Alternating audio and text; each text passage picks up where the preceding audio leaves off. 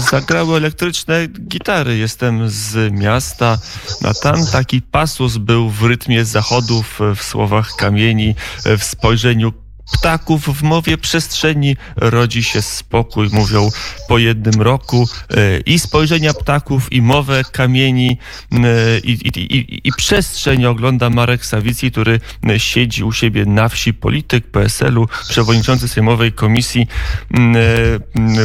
Gospodarki Morskiej i Żeglugi Śródlądowej. Dzień dobry, panie pośle. Dzień dobry. No i jak? E, czy, czy rodzi się spokój po, po tym, kiedy nie trzeba jeździć do Warszawy i można oglądać e, świat e, inny niż świat miejski? Panie redaktorze, ja akurat należę do tych polityków, którzy z rzeczywistością nie tracą kontaktu, bo codziennie poza dniami sejmowymi jestem u siebie w gospodarstwie między swoimi sąsiadami, w swoim powiecie i cały czas ten kontakt żywy mam, więc dla mnie oprócz tego, że mniej jeżdżę do Warszawy, generalnie w mojej pracy nic się nie zmieniło. Ja wczoraj byłem w Warszawie, nie byłem tam kilka tygodni i muszę powiedzieć, że zrobiło na mnie to piorunujące wrażenie, bo już odwykłem, że Warszawa może być tak bardzo opustoszała, zwłaszcza, że to był 3 maj, stąd też...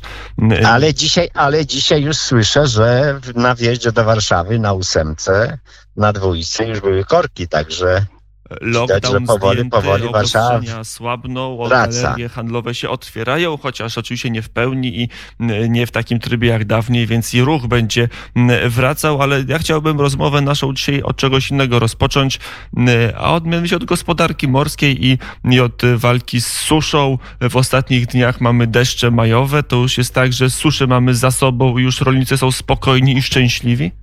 Otóż, panie redaktorze, tych niedoborów wody, które były całą zimę i które miały miejsce tak naprawdę do y, końca y, kwietnia, już w tej chwili w pełni nadrobić się nie da. Na użytkach zielonych, trwałych użytkach zielonych, jakieś tam odrobienie strat jest możliwe. Natomiast jeśli chodzi o zboża, o zimę i o rzepak, one zostały na tyle przerzedzone z jednej strony przez suszę, z drugiej strony przez e, bardzo y, duże przymrozki y, w końcówce marca i w kwietniu, przecież na wschodzie Polski było kilka nocy z minus 10 stopni, że widać wyraźnie, że ten rzepak nie jest taki jak normalnie, ale y, jest takie stare, dobre przysłowie. Suchy kwiecień, mokry maj, będzie żydko kiejby gaj. Jeśli w tym tygodniu, a prognozy są pomyślne, będzie dużo opadów, to na bieżące potrzeby w mojej ocenie gdzieś do połowy czerwca, może nawet do końca czerwca, jest szansa, że rośliny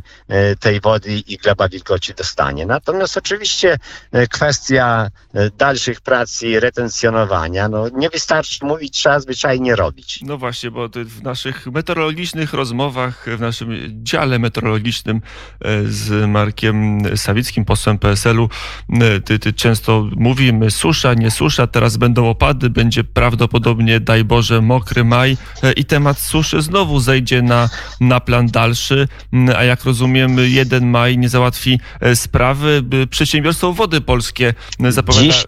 Kolejny Dziś rano, wie pan, przypomniało mi się takie powiedzenie jeszcze mego taty, on już nie żyje niestety 30 lat i zawsze jak były problemy czy z nadmiarem wody, czy z niedoworem, to on zawsze powtarzał, Pan Bóg więcej ma niż rozdał. No i tak naprawdę po tym bardzo suchym kwietniu, kiedy e, trzy dni temu, a wczoraj także dosyć ładne deszcze tutaj u nas na Podlasiu popadały, no to mówię rzeczywiście, ta mądrość ludowa gdzieś e, w ludziach tkwi i e, czasami może aż tak mocno na zapaść się nie warto martwić, ale niezależnie od tego ja ciągle wracam do kwestii wykorzystania środków unijnych. Mamy bardzo niski poziom wykorzystania środków na program rozwoju obszarów wiejskich w związku z suszą, w związku z pandemią.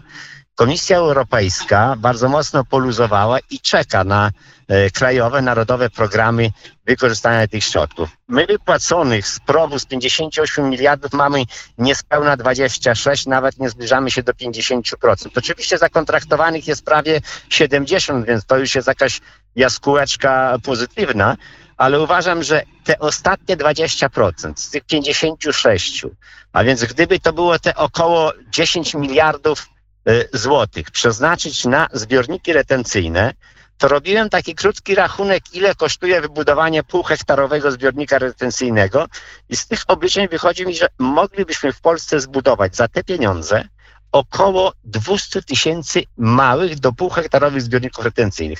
Wie pan, co to oznacza? To na każdą wieś jest co najmniej pięć zbiorników retencyjnych.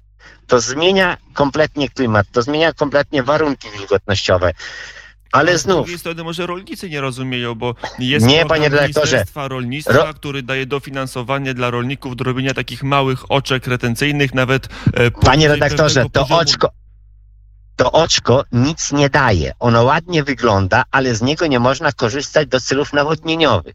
I to jest za małe. Trzeba, mówię, zdać zgodę do pół hektara i jeśli rolnik ma na swoim gruncie, korzysta z wody spływowej, korzysta z płytkich, podskórnych źródeł, które ten zbiornik zaopatrują, to jeśli zgromadzi tą wodę i chce ją wykorzystać na cele nawodnieniowe, to niech nie robi operatów wodnoprawnych, niech nie wstawia liczników na te pompy i, i nie opłaca e, za skorzystanie z tej wody, bo naprawdę ta wilgoć, jeśli będzie krążyła w przyrodzie, będzie krążyła w powietrzu, to ona rzeczywiście zmieni mikroklimat i to jest jakby cała istota. I tak jak powiedziałem, ja, ja wie pan, wczoraj pierwszy raz zobaczyłem przed piątą rano u siebie we wsi przy zbiorniku retencyjnym niewiele ponad hektarowym, jaka piękna utworzyła się mgła, duży obok, który rozciągał się w promieniu co najmniej kilometra.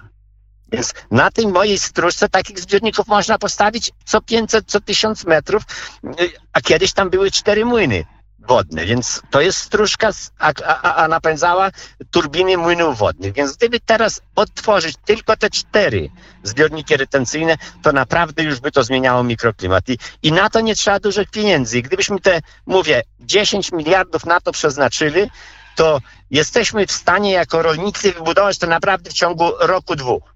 Mm, I to jest apel do rządu, jak robić. Zmienić warunki, bo panie redaktorze, jeśli mamy dzisiaj sytuację, w której y, trzeba wyłożyć 50 na 50, jeśli chodzi o środki własne, to wiadomo, że rolników na to nie stać, ale program rozwoju obszarów wiejskich na te warunki kryzysowe dopuszcza 80, a w szczególnych wypadkach nawet 100% finansowania ze środków unijnych i tego uzupełnienia 35% ze środków krajowych. Więc jeśli byśmy budowali hektar zbiornika, hektar zbiornika retencyjnego, który nie będzie kosztował więcej jak 120 tysięcy złotych, to jeśli rolnik dostałby 100 tysięcy, 20 dołoży. E, no to jest, e, to jest pomysł, pytanie, czy polscy rolnicy już rozumieją potrzebę nawadniania, bo e, przez Rolnicy rozumieją i czekają.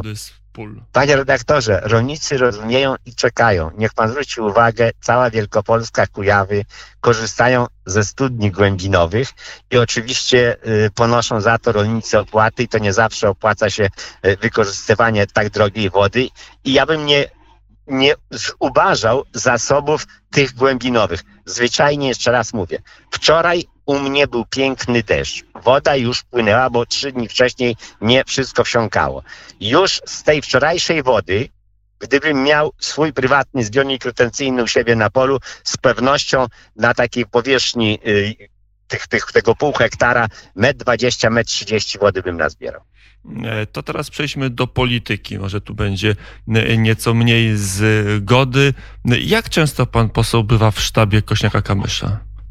Ja nie jestem bezpośrednio w ścisłym sztabie. Oczywiście e, wszyscy członkowie Rady Naczelnej e, są niejako e, z mocy statutu Polskiego Stronnictwa udziałowcami. Natomiast jest tam wąska grupa młodych specjalistów, którzy pracują z Władysławem Kośniakiem Kamiszem i może dobrze, że troszkę my starsi stanęliśmy w tej kwestii z boku. To, co możemy, to wspieramy i pomagamy, natomiast mm, cała koncepcja to jest rzeczywiście pomysł e, pani Magdaleny e, Sobkowiak, tam bardzo aktywnie e, Miłosz Motyka, ale też ci młodzi wiceprezesi, Ula Pacławska, czy z drugiej strony Adam Jarubas po chorobie już się bardzo aktywnie włączył, Darek Klimczak. To jest ta młoda ekipa już, można powiedzieć, 40-latków, która no, rzeczywiście e, jest dosyć dynamiczna i ja wierzę w ich sukces.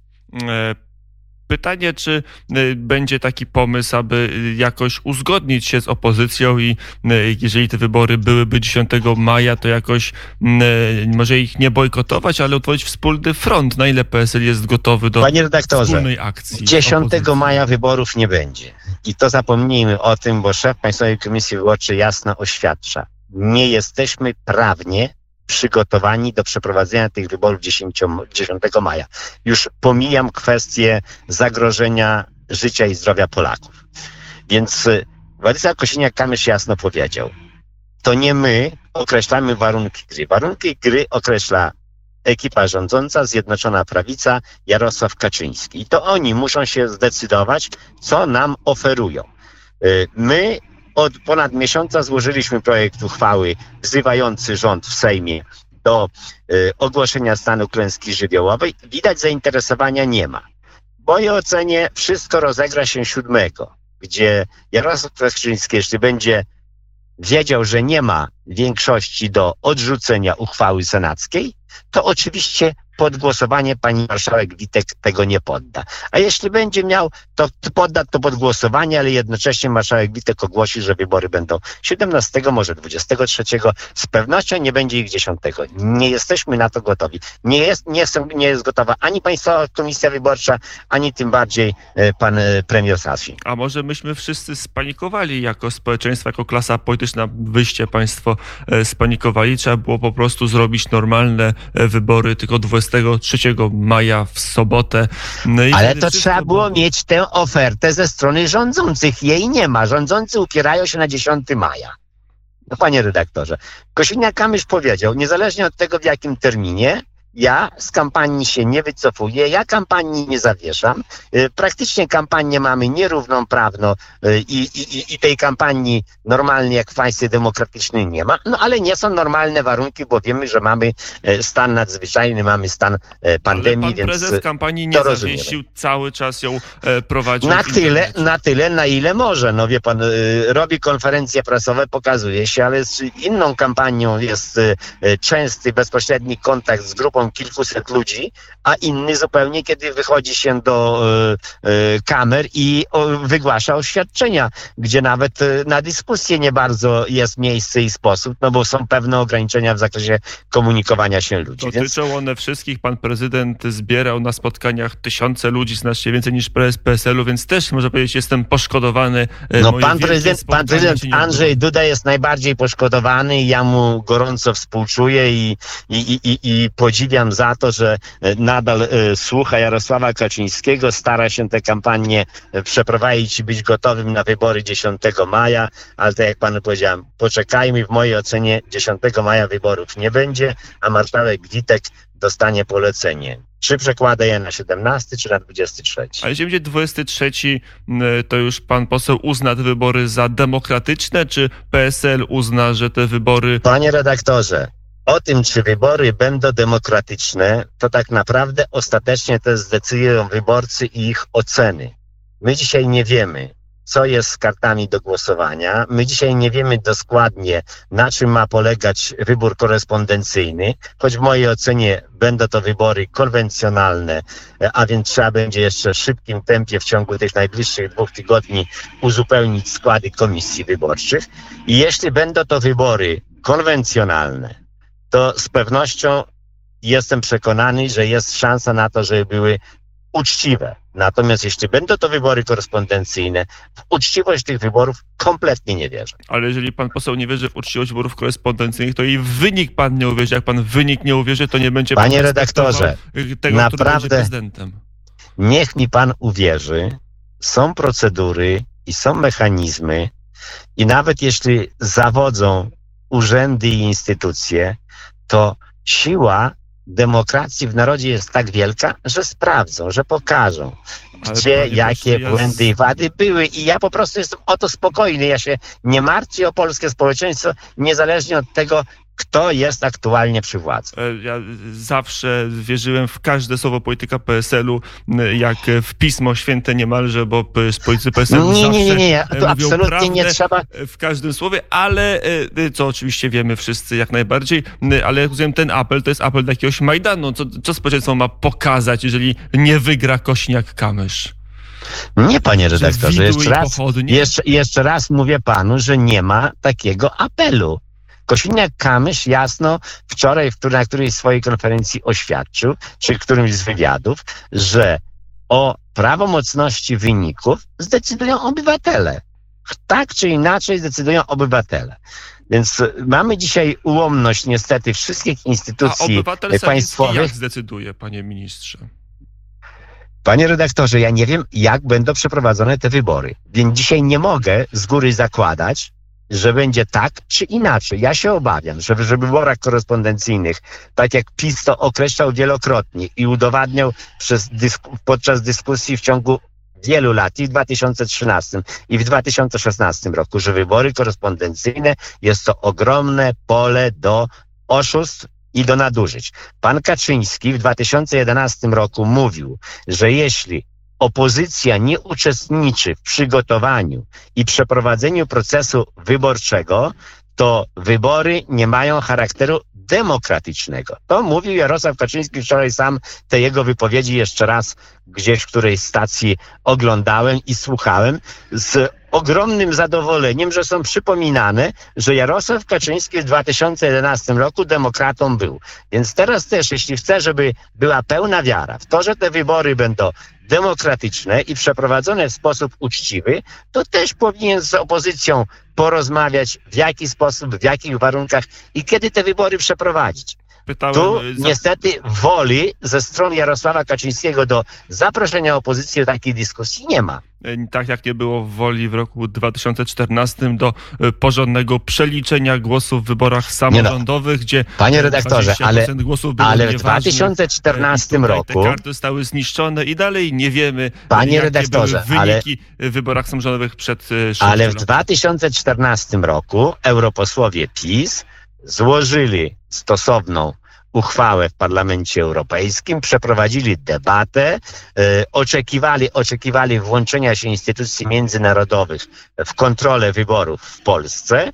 No więc myślę, że w tej chwili nie powinni nazywać innych, którzy chcą także udziału instytucji międzynarodowych kontroli tych wyborów, że jest to jakaś targowica, że jest to zagranica. Nie, tu jesteśmy wspólnie e, w, jednym, w jednej e, europejskiej rodzinie i nawzajem jedni patrzą na ręce. Punkt widzenia zależy od punktu siedzenia, tak to jest w polityce. No to na koniec, e, panie pośle, przy telefonie Marek Sawicki, poseł PSL-u, wyście już zjedli i złożyli do grobu Platformę, czy ona jeszcze się trzyma? Jak to wygląda? A powiem panu szczerze, że nie interesuje mnie to, co się dzieje z Platformą. To jest Aha. ich problem. Ja zajmuję się Polskim Stronnictwem Ludowym i rzeczywiście udziałem w kampanii Kośniaka-Kamysza na tyle, na ile e, warunki pandemii pozwalają. Natomiast nie zajmuję się mm, Platformą Obywatelską, Koalicją Obywatelską i ich wewnętrznymi sprawami. Tam jest tylu mądrych ludzi, że naprawdę nie potrzeba im doradców z zewnątrz. No ale to nie jest tak, że Koalicja Polska chciałaby zająć miejsce Platformy? Nie byłoby wtedy lepiej dla Polski, jakby Platforma zniknęła? E, Ale panie redaktorze, y, jeśli powstała Koalicja Polska, i przepraszam, bo myślałem, że pomówię o Koalicji Obywatelskiej. Koalicja Polska nie chce nikomu odbierać wyborców. Nie chce żadnych wyborców pokonywać. Koalicja Polska, Kosiniak-Kamysz chce wyborców do siebie przekonywać. I jak na razie robi to skutecznie. Z tygodnia na tydzień notowania Kosiniaka-Kamysza rosną. Ja wierzę, że będzie druga tura i że w drugiej turze Kosiniak-Kamysz będzie prezydentem Polski. To jest będzie naszym opozycji obecnie w Polsce? E, nie ma czegoś takiego jak lider opozycji, to jest ciągłe takie zaklinanie rzeczywistości. Opozycja nie jest jednolita i trudno mówić, żeby ktoś był liderem e, i próbował reprezentować interesy innych środowisk politycznych. Nie. Władysław Kośniak-Kamysz jest liderem Koalicji Polskiej powiedział Marek Sawicki, jeden y, z ważnych polityków Koalicji Polskiej i PSL-u również. Dziękuję bardzo za rozmowę. Dziękuję bardzo, miłego tygodnia. Y, nawzajem życzymy y, panu ministrowi dobrego tygodnia. Minuta po godzinie dziewiątej, tutaj kończymy poranek wnet. Dzięki. Pora na wiadomości.